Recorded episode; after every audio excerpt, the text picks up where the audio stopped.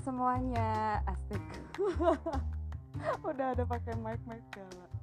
Oke, hari ini kita akan uh, ada sesi Not So Edu Talk lagi. Kali ini kita akan mendatangkan kakak Mai Ichi dari Sabang Merauke gitu.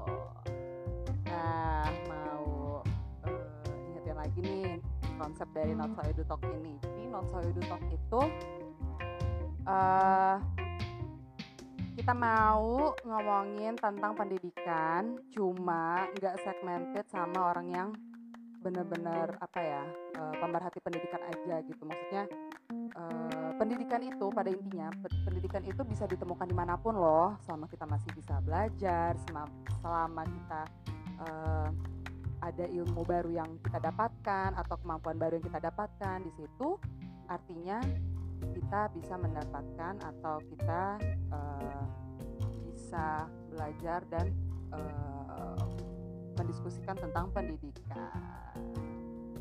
Oke. Nah, jadi hari ini kita mau ketemu sama Kakak Ici. Nah, Kakak Ici ini awalnya uh, aku kira Kakak Mai Ici itu nama panjangnya tuh ada yang lebih panjang lagi. Jadi maksudnya itu adalah name stage-nya gitu. Ternyata ternyata beneran namanya kakak Mai Ichi gitu loh ternyata anda itu sama dengan banyak orang yang mengira bahwa itu nama nama palsu ya. Pada loh waktu pertama aku daftar kerja itu sampai ditanyain gitu itu nama asli e, permisi itu KTP saya nama asli saya seperti keripik yang itu gitu ternyata. Kan kalau misalnya dulu tuh aku uh, aku ingat tuh email pertamaku tuh Kia underscore hihi gitu kan. Oh ini tuh kayak ya name stage kayak gini kali. Oh ternyata beneran. Mai kagak nama asli. Kayaknya indie banget. Kayaknya indie banget. Indie jadi sampai aku itu punya template perkenalan loh. Halo, nama saya Mai Ichi. Saya bukan keripik yang itu. Gitu selalu orang-orang itu sampai sampai aduh nama perkenalannya selalu kayak gitu dan di segala suasana gitu. Jadi akhirnya orang-orang pada oh ini yang itu tuh. Ada brandnya berarti KIC itu ada brandnya gitu. Ada kekuatan tapi brand. itu itu kayaknya sekarang sekarang kan udah nggak terkenal ya. Jadi udah nggak nggak laku lagi tuh nama keripik itu jadi orang-orang yang aku kenalan pakai nama itu mereka kayak bengong gitu. Itu apaan sih maksudnya ibu ini gitu? Kita kayak apa terobosan baru keripik Meiichi adalah uh, apa uh, reinkarnasi dari keripik Maichi ya. Uh, Oke, okay. udah kelar ya ngomongin keripik ya. Mana-mana. Oke. Okay. Nah tadi uh, sempat ngomongin sedikit nih Kaichi tentang gue tentang uh, konsep dari Nasaidu Talk lagi uh, bahwa kita ngobrol ini ngobrolnya informal aja dan bahwa pendidikan itu bisa ditemukan di mana pun dan kapan pun selama kita masih bisa belajar, selama kita masih bisa mendapatkan ilmu atau kemampuan baru di situ kita bisa uh, apa ngomongin tentang pendidikan. So, oke okay deh. Nah, ya. Aduh, heboh banget ya, mohon maaf ya. Nah Kak Ici, kan ada katanya tak kenal maka tak sayur. Oh enggak? Tak kenal maka... Oke. Okay. tak kenal maka... Hai. Nah makanya aku mau kenalan dikit dong sama Kak Ici. Cerita sedikit sekarang tuh kesibukannya tuh lagi ngapain sih, lagi ngapain apa, atau lagi dikerjain sama siapa gitu, atau gimana? Cerita. Jadi, jadi halo, Perkenalkan nama saya Maici bukan keripik yang itu. Jadi aku Mai. Udah ya serius ya. Jadi aku Maici. Jadi sekarang kesibukannya sebenarnya banyak gitu. Aku juga masih kerja. Masih kerja untuk dapat duit gitu di salah satu konsultan PR di Jakarta.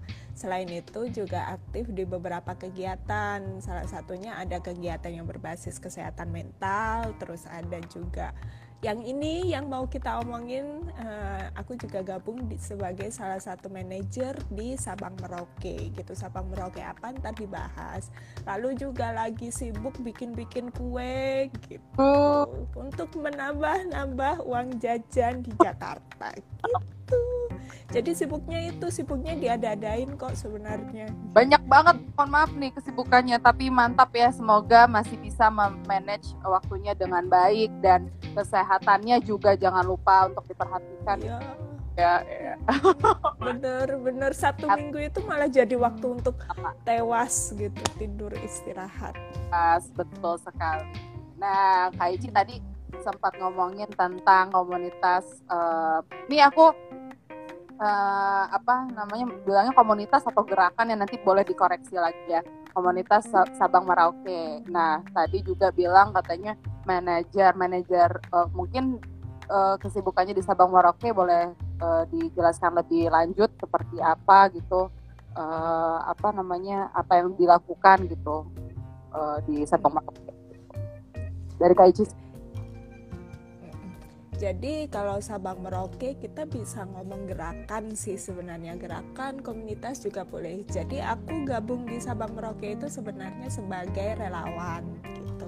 Maksudnya jadi relawan terus akhirnya ini di tahun kedua aku untuk jadi manajer. Manajer itu maksudnya kayak ketua divisi kali ya ketua divisi membawai satu divisi untuk ngegerakin Sabang Merauke selama satu tahun ke depan dan aku berada di divisi AKM. AKM itu apa gitu? AKM itu Archiving and Knowledge Management. Jadi tugasnya itu mengarsipkan, mengumpulkan data-data yang terkait dengan program Sabang Merauke.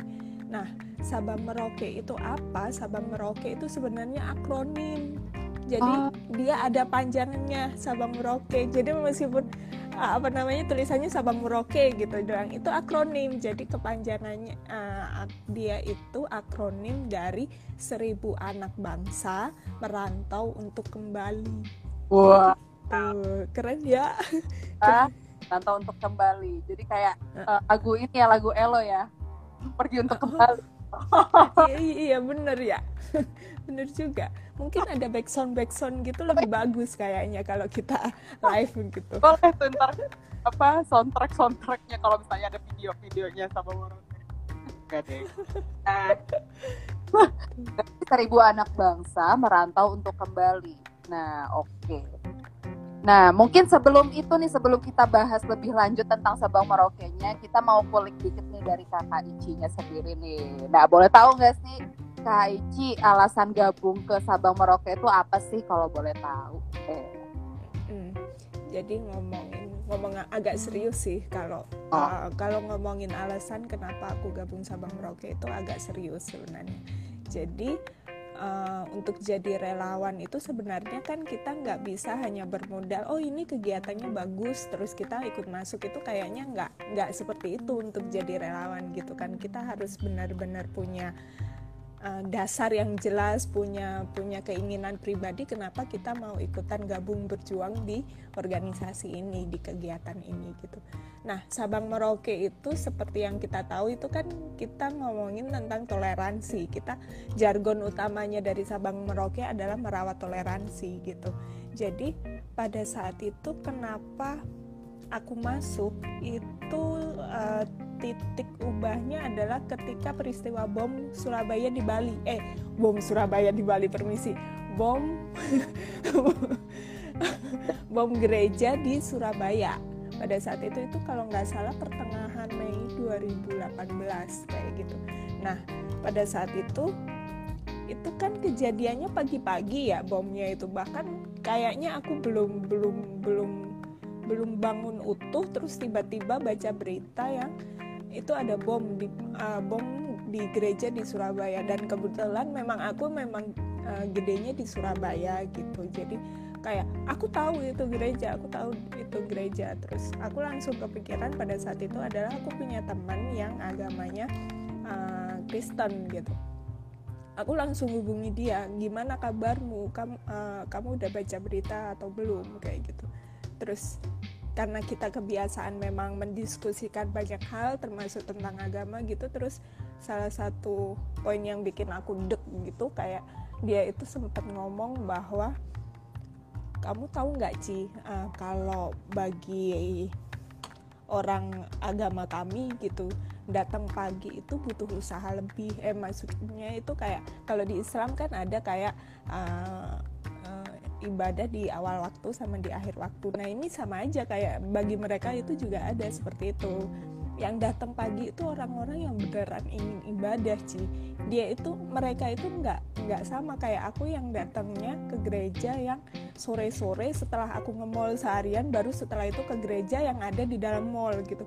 Itu udah udah beda banget menurut dia gitu. Kenapa mereka sampai saat sampai kayak gitu sih sama sama agama kami gitu. Aku langsung nggak kayak gitu ya. Harusnya nggak kayak gitu. Har harus ada orang yang ngomongin tentang hal itu lebih banyak lagi. Dan akhirnya aku merasa Sabang Merauke menjadi tempat yang paling pas untuk bisa ngomongin itu lebih luas lagi gitu. Jangan sampai ada hal-hal seperti itu lagi di Indonesia. Gitu sih itu titik baliknya kenapa sampai aku gabung di Sabang Merauke? Gitu. Apa ya? Hmm, lebih uh, lebih serius lagi untuk merawat toleransi ini ya uh, benar benar. Untuk lebih banyak ngajak orang untuk ngomongin toleransi gitu karena memang susah gitu.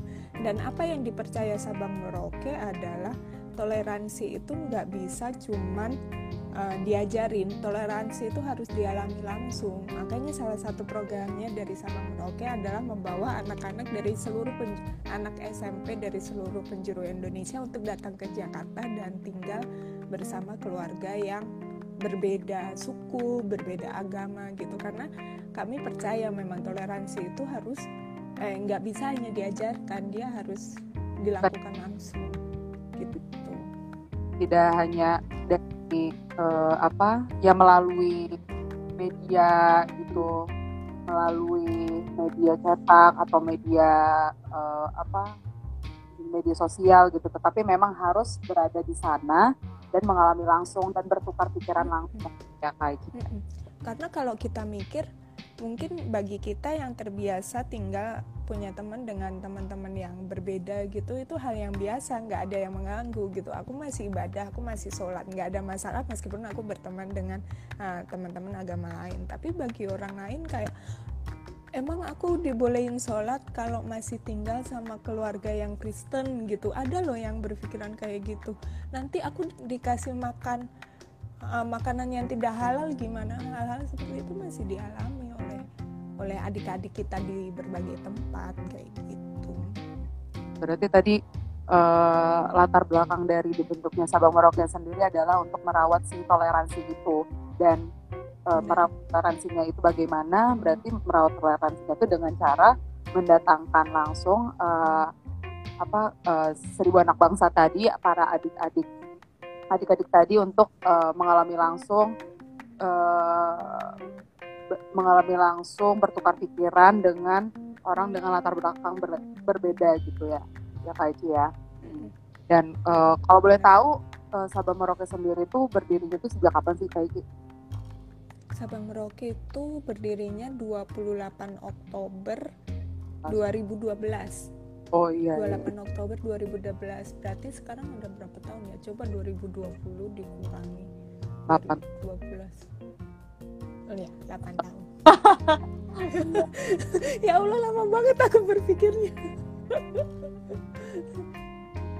sedang di Nah, berarti Sabang Merauke, oke itu berarti uh, tadi landasannya landasan dibangun Sabang Merauke seperti itu. Dan ada yang menarik juga kemarin pada saat uh, aku lagi bikin posternya, Kak Ici ngingetin aku untuk Sabang Merauke itu uh, judulnya jangan dipisah. Kenapa tuh kalau boleh Iya, jadi jadi itu hal yang biasa banget salah diketik, salah dilakukan gitu. Jadi orang-orang menulis Sabang spasi Merauke gitu. Padahal kalau nama kegiatan kami itu Sabang Merauke yang benar-benar Sabang Merauke kagak ada spasi Sabang Merauke gitu. Itu karena pengennya ya jangan dipisah Sabang sama Merauke ini dijadiin satu aja jadi Sabang Merauke gitu gitu kan gak enak ya pisah-pisah jangan dipisah kan oh, jangan dipisahkan. Jadi nama programnya itu Sabang Merauke tanpa spasi ya. Gitu. itu nah berarti visi misinya sendiri itu seperti apa sih visi misi dari Sabang Merauke-nya itu sendiri? Kalau boleh tahu kayak gitu. Hmm, jadi kalau Sabang Merauke memang uh, salah satu kegiatan utamanya adalah program pertukaran pelajar. Jadi uh, anak-anak didik uh, SMP usia SMP 13 sampai 15 tahun itu dibawa ke Jakarta terus tinggal sama keluarga yang berbeda latar belakang, berbeda agama, suku seperti itu selama tiga minggu di Jakarta. Itu full di Jakarta. Nah, memang kalau ngomongin apa sih sebenarnya yang diingin diajarkan oleh Sabang Merauke adalah tiga hal, tiga hal utama yaitu uh, bentar. Terus aku lupa. Jadi tiga hal utama yang harus tiga hal utama yang dibawa oleh Sabang Merauke adalah nilai-nilai pendidikan. Eh yang pertama pasti toleransi yang kedua nilai pendidikan yang ketiga nilai tentang keindonesiaan gitu. Semua program Sabang Merauke selalu berputar pada tiga hal itu toleransi pendidikan keindonesiaan gitu. Dan Uh, dengan tiga hal itu sebenarnya kalau ngomongin kegiatan utamanya kan kegiatan pertukaran pelajar. Kita juga ada beberapa kegiatan lain yang juga tetap fokusnya adalah tiga hal itu toleransi terus pendidikan dan juga keindonesiaan macam-macam programnya. Kalau untuk anak SMP kita ada program uh, pertukaran pelajar yang sayangnya banget sayang banget tahun ini itu nggak bisa dilakuin karena kondisi pandemi yang di Indonesia ya. Jadi kan kita nggak berani juga pada saat itu bagaimana yang ngedatengin anak-anak dari seluruh Indonesia ke Jakarta. Kita nggak tahu apakah bisa uh, menjaga mereka sampainya di Jakarta. Itu biasa tiap kalau misalnya uh, ini kan acara tahunan biasanya tuh tiap bulan apa sih uh, sebelum sebelumnya ya. Mm-hmm. kalau biasanya itu pas libur libur hmm. bulan Mei Juni itu libur anak-anak SMA jadi mereka nggak bakalan merusak apa namanya merusak jam sekolah uh, jam belajar mereka gitu nah nah awal oke okay. uh, boleh diceritakan dikit nggak gimana sih prosesnya um, apa apa untuk merekrut gimana ya untuk memfilter anak-anaknya itu uh, jadi peserta di uh, adik-adik Sabang Maroko itu seperti apa sih kalau boleh tahu? Hmm. Jadi yang jelas pertama umur ya 13 sampai 15 tahun gitu karena menurut kami itu usia yang masih muda, masih uh, usia awal-awal uh, pertumbuhan gitu, tapi mereka sudah bisa diajak berpikir kritis gitu. Mereka sudah bisa mulai memproses eh, informasi-informasi uh, apa yang masuk ke dalam uh, diri mereka ke otak mereka. Itu yang pertama. Lalu kemudian kalau Sabang Merauke itu lapisannya panjang gitu. Pertama pasti uh, seleksi seleksi form form pendaftaran juga pastikan lalu setelah itu kita juga melihat lingkungan sekitarnya mereka gitu. Bagi uh, kita ada istilah adik Sabang Merauke, kakak Sabang Merauke, family Sabang Merauke gitu. Untuk adik kita lihat juga apakah orang tuanya menyetujui dia untuk melakukan untuk datang ke Jakarta atau enggak. Karena kita sadar uh, program kita mungkin hanya tiga tiga minggu gitu. Tapi lingkungan sekitar juga harus mendukung program itu. Jangan sampai mereka balik ke daerah asalnya terus mereka ditentang apa lu barusan nyampe ke Jakarta membawa paham-paham apa kayak gitu takutnya seperti itu. Lalu untuk family juga family Sabang Merauke orang yang tinggal di Jakarta untuk uh, tinggal bersama anak adik Sabang Merauke ini juga diseleksi juga lingkungannya bagaimana uh, mereka mereka kan akhirnya keluarga Sabang Merauke ini jadi tempat untuk bertumbuh adik-adik ini gitu. Bagaimana mereka melihat tentang toleransi itu sendiri? Gitu apakah dia um, uh, anggota keluarganya siap untuk menerima adik-adik yang berbeda-beda gitu? Takutnya kenapa-napa itu jadi seleksinya panjang termasuk seleksi tentang lingkungan sekitarnya. Bagaimana mereka bisa mendukung tumbuh tumbuh kembang dari adik-adik Sabang Merauke gitu. Jadi ada adik gitu. satu Merauke, ada family Sabang Merauke, ada kakak Sabang Merauke. Kalau kakak Sabang Merauke itu seperti apa?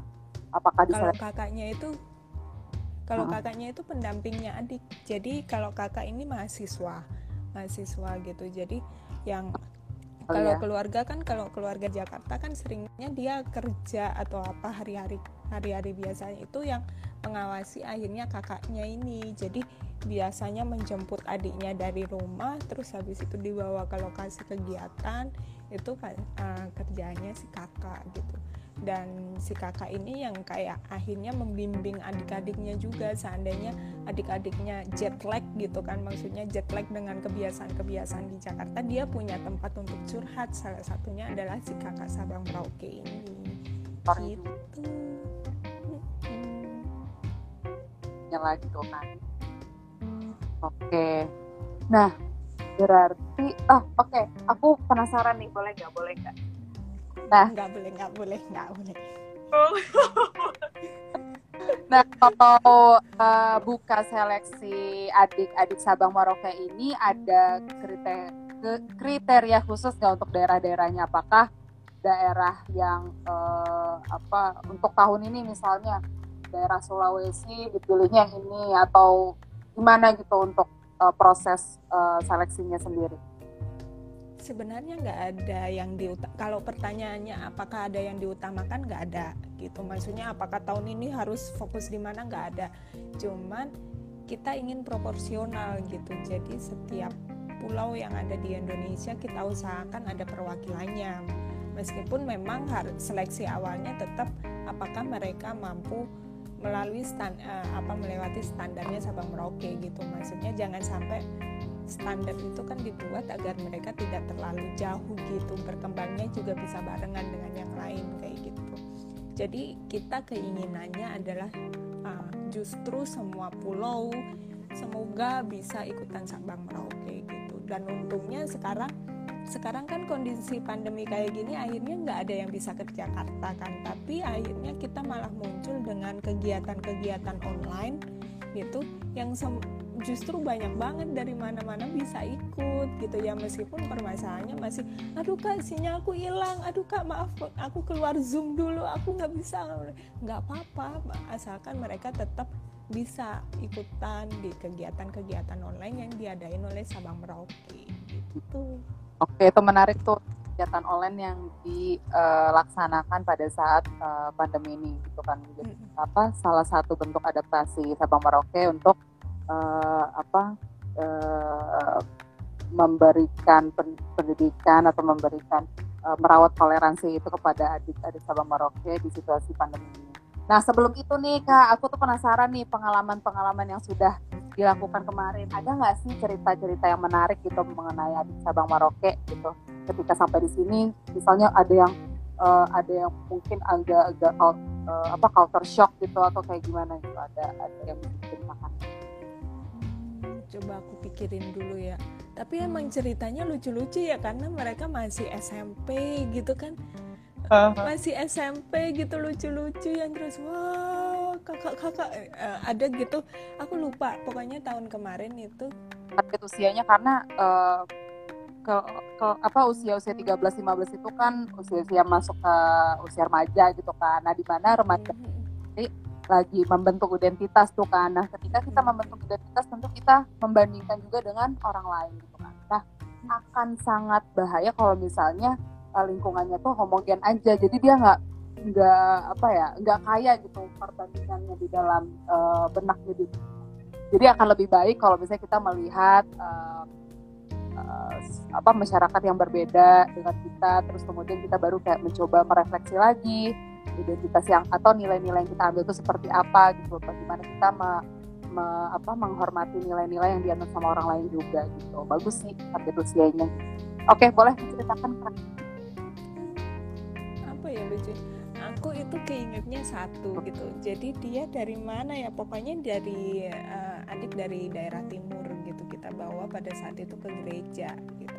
Ke gereja uh, aduh bahkan nama gerejanya aku lupa. Dan di gereja itu kayak ada tulisan banyak misionaris gitu yang uh, udah datang di Indonesia. Terus dia dengan santainya gitu ada nama aku di situ gitu.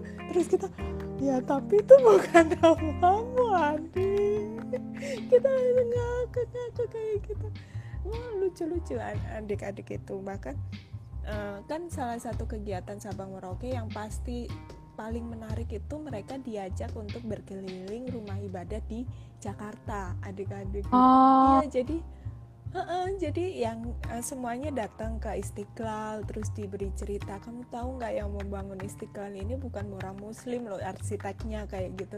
Terus oh, oh ya benar terus datang ke ke katedral lalu belajar tari Bali. Eh tari tari Bali pada saat itu kayaknya belajar tari Bali di pura kayak kayak gitu. Jadi hal-hal yang seru kayak gitu mereka pelajari memang di Sabang Merauke menarik eh menarik banget.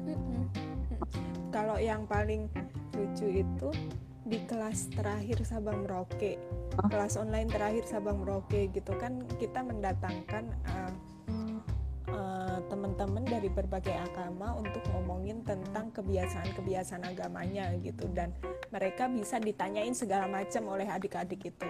Nah, terus pertanyaan salah satu pertanyaan yang bikin dek itu adalah ada satu pembicara yang ditanyain kakak sunat enggak? ya gimana? mereka tuh ya uh, landasannya kerasa ingin tahunya gitu kan iya terus ditanya kakak sunat nggak? Terus mau bicaranya cuma ya itu rahasia ya adik. Aduh jadi berapa tapi tapi itu pertanyaan yang absurd eh, maksudnya pertanyaan pertanyaan yang memang mereka uh, tertarik untuk ingin tahu gitu. Bahkan tapi ada ada juga pertanyaan-pertanyaan yang lebih serius. Kena seperti kenapa sih ada budaya patriarki di Indonesia? Macam kayak gitu ditanya juga oleh anak SMP oleh anak SMP tuh. Mantap. Iya SMP uh biasa. Memang udah sekeren itu sih uh, adik-adik kita di SMP gitu. Aku juga seneng gitu nah itu biasanya tuh tanya jawabnya tuh berarti sama si kakak kakak Sabang Merauke-nya ini? Sama family pada saat itu sih kita oh. memang sengaja mendatangkan pembicara yang oh. berbeda-beda agama gitu. Oke. Gimana dia penasaran dia jawabnya gimana? Enggak enggak. Kakaknya seingatku kakaknya juga ngomong itu rahasia ya ade nggak boleh dibahas kayak kayak gitu gitu Kenapa? Kamu juga ingin? uh, menarik gitu kalau misalnya ngobrol sama uh, anak muridku tentang agama gitu. Kadang-kadang tuh ada pertanyaan nyeleneh-nyeleneh banget. Kadang ada pernah uh, muridku tuh kelas 2 SD dia tuh nanya kayak gini uh, Mistia di Rusia itu dia bilang gini aja di quotes ya di Rusia itu banyak yang nggak beragama loh. Terus mereka orangnya baik-baik aja. Terus gunanya agama tuh apa? Loh Hmm. Iya, itu pertanyaan-pertanyaan macam itu. Pertanyaan batu, seharusnya dia, dia juga nanya kayak gini, dia kan kan, jadi anak murid itu. Dia bilang, e, kenapa sih aku nggak boleh makan babi? Emang kenapa kata kata omku tuh, uh, pokoknya ada uh, om dari uh, teman ibunya gitu, omku tuh enak apa segala macam, kenapa sih gitu?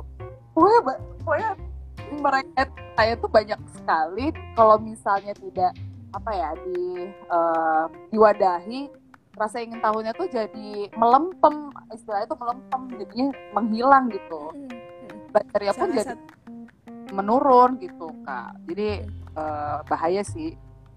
Gitu kalau salah satu yang pasti diajarkan di kelas-kelasnya Sabang Merauke adalah teknik berpikir kritis memang semua orang boleh uh, berpikir uh, bertanya boleh mengeluarkan pendapat tapi uh, ada ada batasannya. Batasannya selama itu tidak ditujukan untuk menghakimi atau hmm. membuat orang jadi merasa bersalah itu yang nggak boleh gitu. Jadi ya, ini adalah for kan ya selain yang critical thinking sendiri. Hmm. gitu. Jadi ya silakan bertanya seluas apa pun gitu. Butuh bertanya apa pun silakan diajukan tapi bukan untuk menghakimi atau membuat orang itu merasa bersalah itu ya berarti maksudnya uh, silakan bertanya uh, tentang apa pun namun tujuannya memang untuk uh, mencari tahu dan tidak menghakimi. Dan sebelum bertanya pikirkan dulu tuh bagaimana sih efek dari pertanyaan itu ke orang lain gitu ya Kak Ici ya terus aku mau menjawab bagaimana dampaknya jika kamu ditanyain seperti itu? Menarik sih. Muter otaknya itu loh. Oke nanti ya.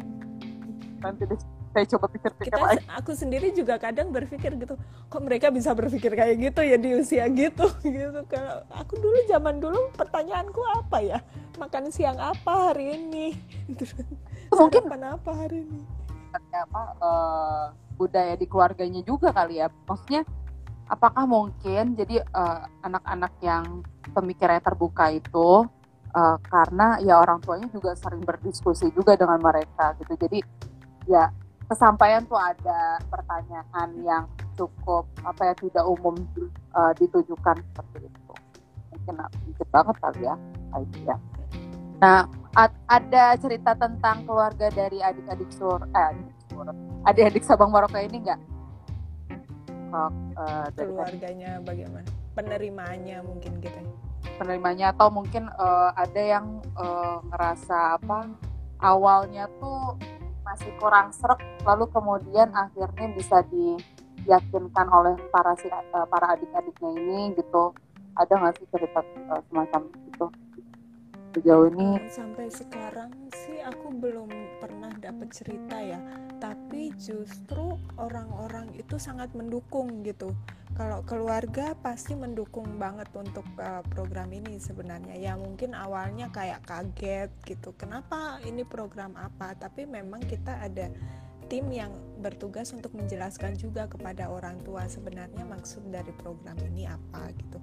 Bahkan yang banyak aku dapat cerita itu justru begitu mereka pulang mereka kan uh, punya tugas untuk menyebarkan uh, toleransi ini uh, di daerahnya gitu mereka malah bikin yang apa kirim foto gitu. Mereka diterima oleh bupati terus mereka berbi, uh, berdiri di podium gitu berbicara ke uh, apa namanya rakyat eh, rakyat masyarakat luas gitu dibantu oleh bupatinya toleransi itu apa malah macam-macam kayak gitu. Bahkan ada yang bupatinya bikin syukuran sebelum dia berangkat gitu bupatinya bikin syukuran nah, semoga selamat sampai tujuan ya. Ya Allah aku jadi kangen sama Merauke kenapa ini pandemi? Kenapa ini?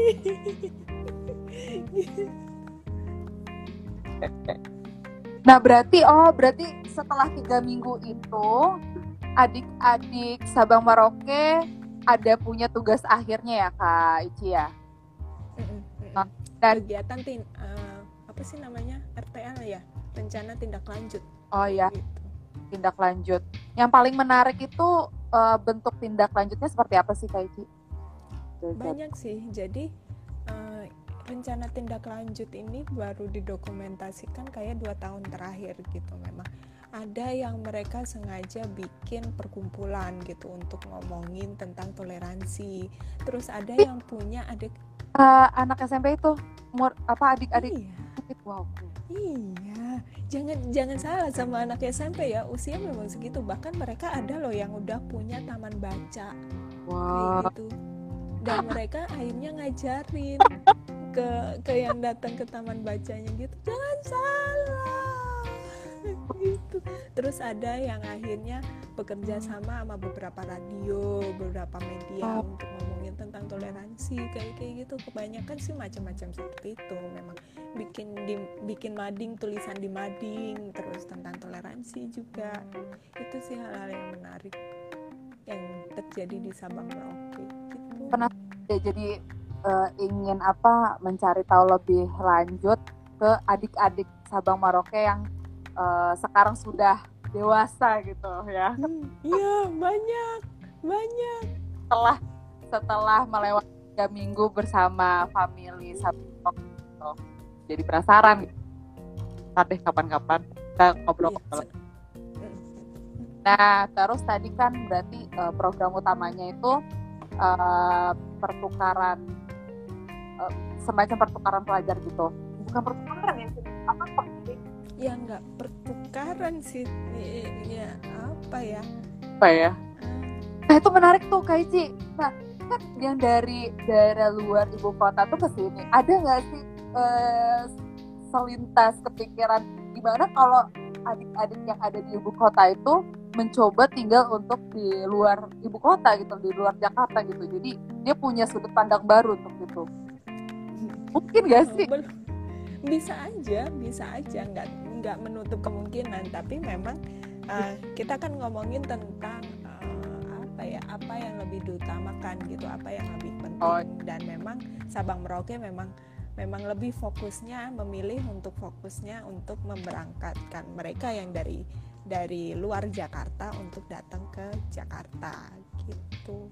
Tapi menurutku dengan kelas-kelas online yang sekarang terbuka sih siapa aja dari adik-adik di Jakarta atau adik-adik di luar Jakarta semua punya kesempatan yang sama gitu. Dan kalau kalau pertukaran pelajarnya kan setahun cuma 20 anak ya.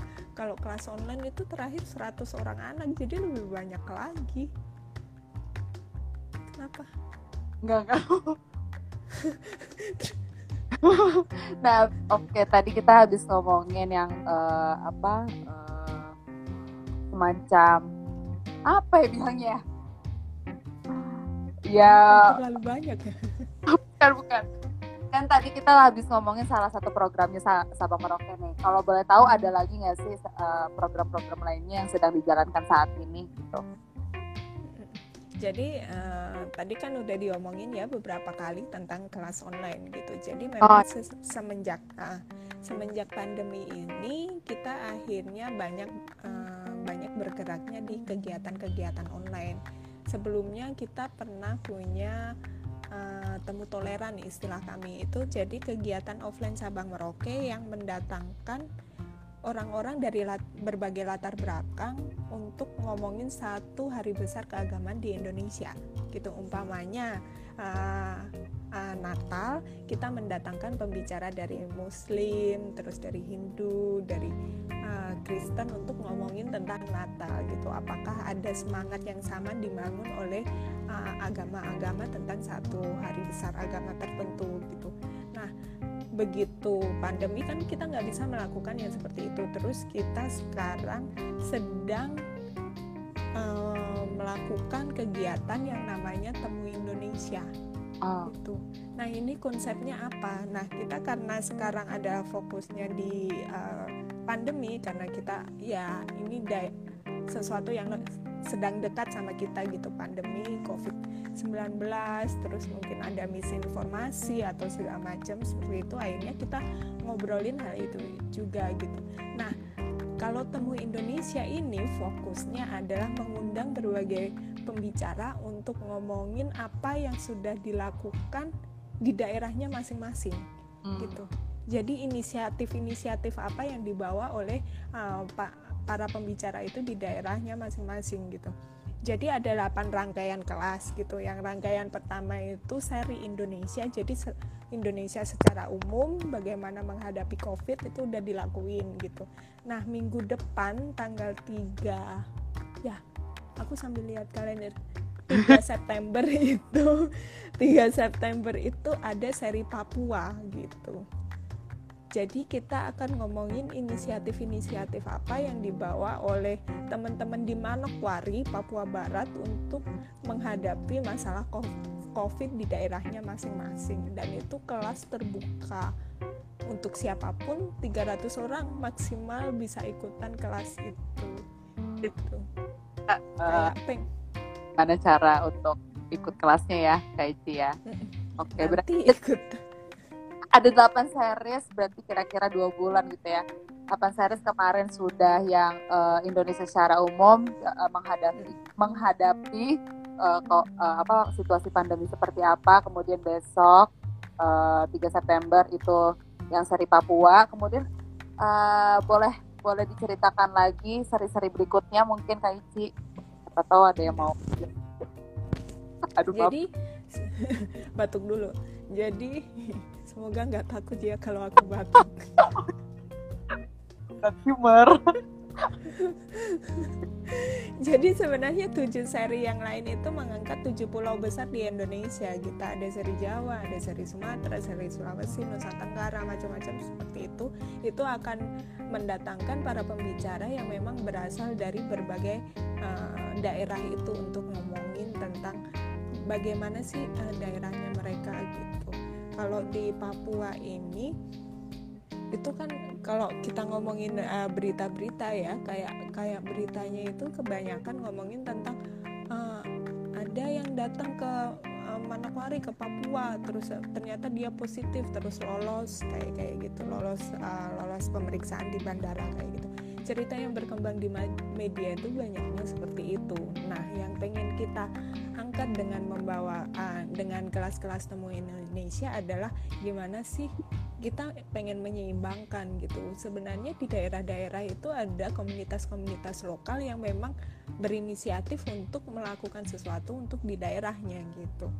Salah satu contohnya uh, mungkin bukan Papua ya kalau Papua aku masih uh, kan kelasnya masih nanti. Jadi kalau pengen tahu Papua seperti apa nanti ikutan kelasnya gitu uh, yang aku ikutin adalah salah satu di Sulawesi Barat gitu. Bagaimana mereka loh mereka itu Sulawesi Barat teman-teman aku mereka berada di apa namanya pinggir pantai gitu. Di pinggir pantai semuanya dan mereka itu bingung. Kalau seandainya seandainya mereka nggak bekerja nggak ada uang sama sekali gitu. Apalagi kalau um, mereka nggak melaut kayak gitu udah stop beneran stop itu daerah gitu. Akhirnya eh, komunitas-komunitas uh, lokal itu malah bikin bikin kegiatan yang membantu tukang becak pada saat itu.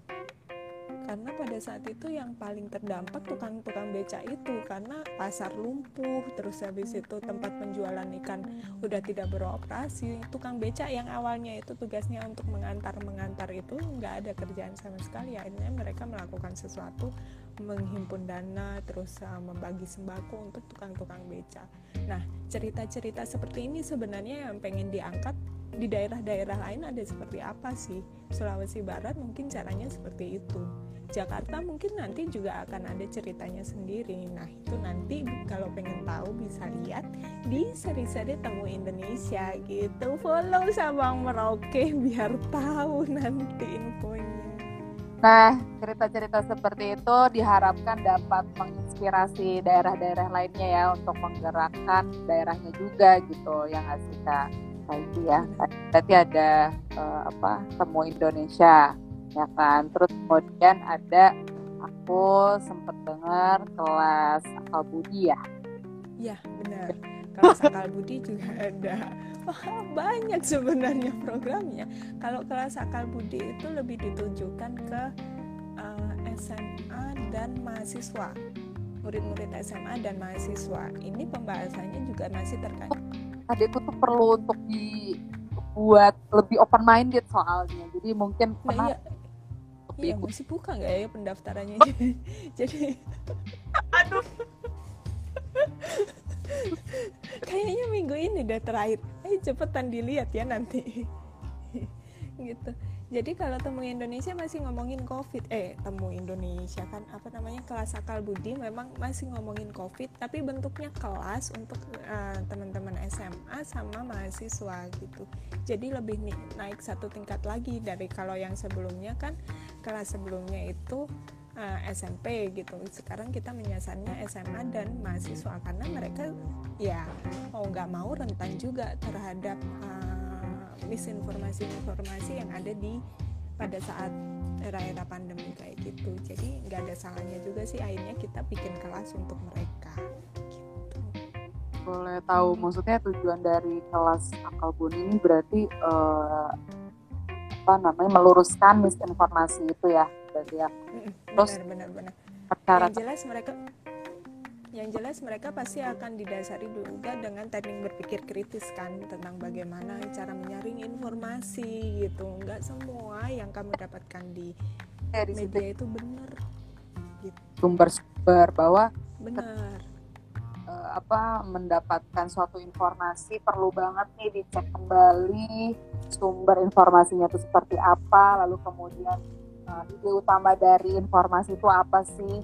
Terus uh, perlu banget untuk membaca informasi itu dari awal sampai akhir kan? Itu tuh kadang jangan judulnya doang. Eh, jangan judulnya doang clickbait.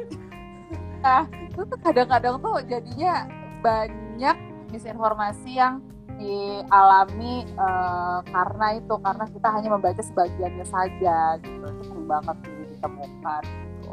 menarik banget sih digital literacy itu kalau boleh tahu bentuk kegiatannya tuh seperti apa sih kak? Apakah kelas online?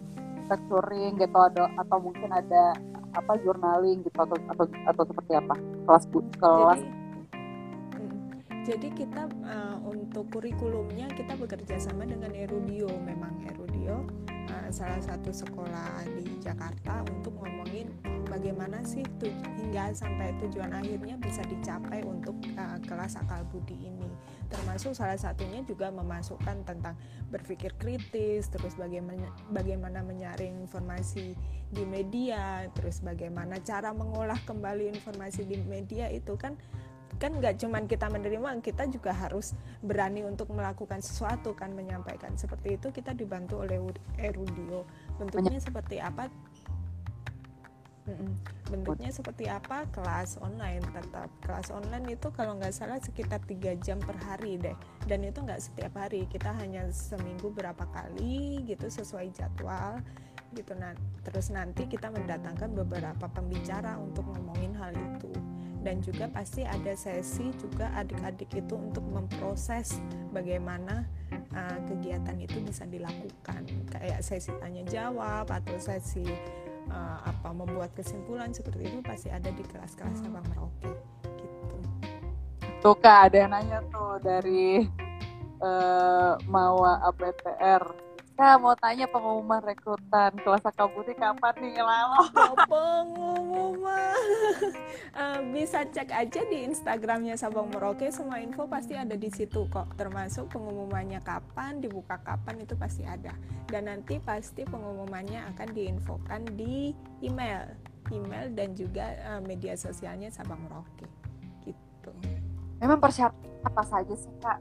Aku pengen tahu deh. Persyarat untuk jadi persyaratannya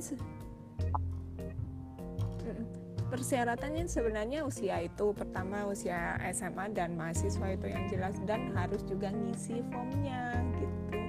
Aku ngecek-ngecek kemarin udah mulai masuk beberapa form untuk dinilai gitu. Memang ada tim rekrutmen yang memang khusus untuk mencari tahu uh, sebenarnya komitmen anak-anak uh, calon peserta ini seperti apa sih di program-program ini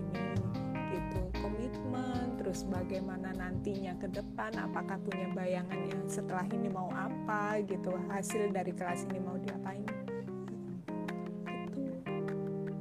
uh, itu durasi kita pertama kak. Untuk uh, program oh, itu kan atau tiga minggu kalau nggak salah. Uh. berarti programnya tadi ada yang pelajar SMP ke kota terus kemudian uh, maksudnya uh, ya yang kalau ibu kota karena banyak latar belakang berbeda kan di sini. Kenapa dipilih ibu kota? Alasannya seperti itu. Kemudian tadi ada temu Indonesia juga kemudian ada kelas akal tinggi nah terus ada program lain mungkin yang bisa diceritakan kak? Atau hmm, untuk saat ini programnya masih uh, yang lagi ongoing itu dua itu uh, kelas akal budi yang kita ngomongin tentang berkarya, berpikir kritis terkait pandemi kayak gitu bagaimana mengolah informasi gitu. Lalu yang kedua memang Temu Indonesia yang tadi aku ngomongin itu ada 8 kelas yang memang sampai akhir. Kalau 8 kelas itu setiap dua uh, tiga minggu sekali jadi sampai akhir akhir tahun insya Allah masih ada sampai November kalau nggak salah jadwal terakhir untuk Temu Indonesia. Saya di, di weekend uh, apa jadwalnya? 7 September tuh kapan ya? Covid gitu Beda nanti. Aku bahkan harus mikir setelah Agustus itu bulan apa ya? Oke Ag Juni Juli Agustus. Oke oke oke. Menarik tuh nanti ya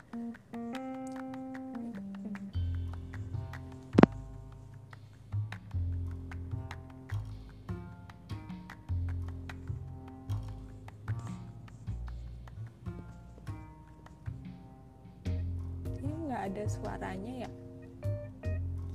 Iya nggak ada suaranya. Masa sih.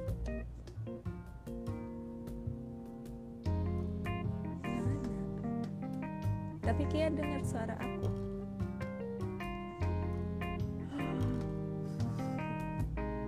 Coba teman-teman uh, kira-kira ngedengar suara Kia nggak sih? Atau sebenarnya sinyal internetku yang kacau lagi Oke, Kaici. Nah, ini ada. Nah, oke. Kayaknya mati nih. Aduh, sedih udah gaya-gaya mati like-nya. Maaf ya, maaf. Iya, terus udah ngomong panjang. Oke, suaranya nggak ada. Oke, oke, oke. Nah, berarti hmm, ini kita udah hampir satu jam. Nanti daripada kita diputus dengan paksa oleh Instagram, kita akan mengakhirinya dengan cara baik-baik. Kita putuskan saja. kita putuskan saja semua ini. Nah, oke okay, Kaici, mungkin closing statement nih bagi teman-teman yang nonton atau nanti uh, ya bagi teman-teman yang nonton seperti apa? Boleh diberikan? Hmm, sebenarnya karena kita lagi ngomongin toleransi ya di Sabang Merauke mm -hmm. dan juga persatuan Indonesia. Mm -hmm karena kita kan ngomongin sila ketiga Pancasila ya betul Persatuan betul. Indonesia benar kan jadi uh, sebenarnya kalau aku selama berproses sama Sabang Merauke gitu aku hmm. berpikir sebenarnya apa sih toleransi itu gitu mungkin hmm. semuanya bisa dapat uh, menurut KBBI toleransi ini menurut apa hmm. toleransi ini tapi menurut aku sebagai aku pribadi toleransi itu adalah menempatkan orang sebagai orang gitu hmm, memanusiakan orang manusia ya menempatkan manusia sebagai manusia gitu jangan sampai menempatkan manusia sebagai sosok yang akan menghancurkan kita hmm. nah ya, hmm. itu itu sampai berbeda hmm. terus akhirnya dia akan menghancurkan uh, kepercayaan kita menghancurkan kepribadian kita enggak mereka ya hanya manusia yang punya uh, ber, pola berpikir sendiri, punya kepribadian sendiri, kita cukup hormati saja bahwa mereka memang berbeda. Sudah cukup, nggak perlu sampai embel-embel bahwa oh nanti kalau aku mengenal mereka pasti aku bakalan apa namanya terluka. Oh nanti mereka bakalan mencuri otakku itu yang salah. Gitu. Dan itu yang bikin persatuan Indonesia jadi nggak benar. Gitu. Jadi hati-hati. Ya hati-hati dalam kita merawat manusia sebagai manusia toleransi. Iya. Toleransi. Merawat toleransi. Betul. Oke. Okay.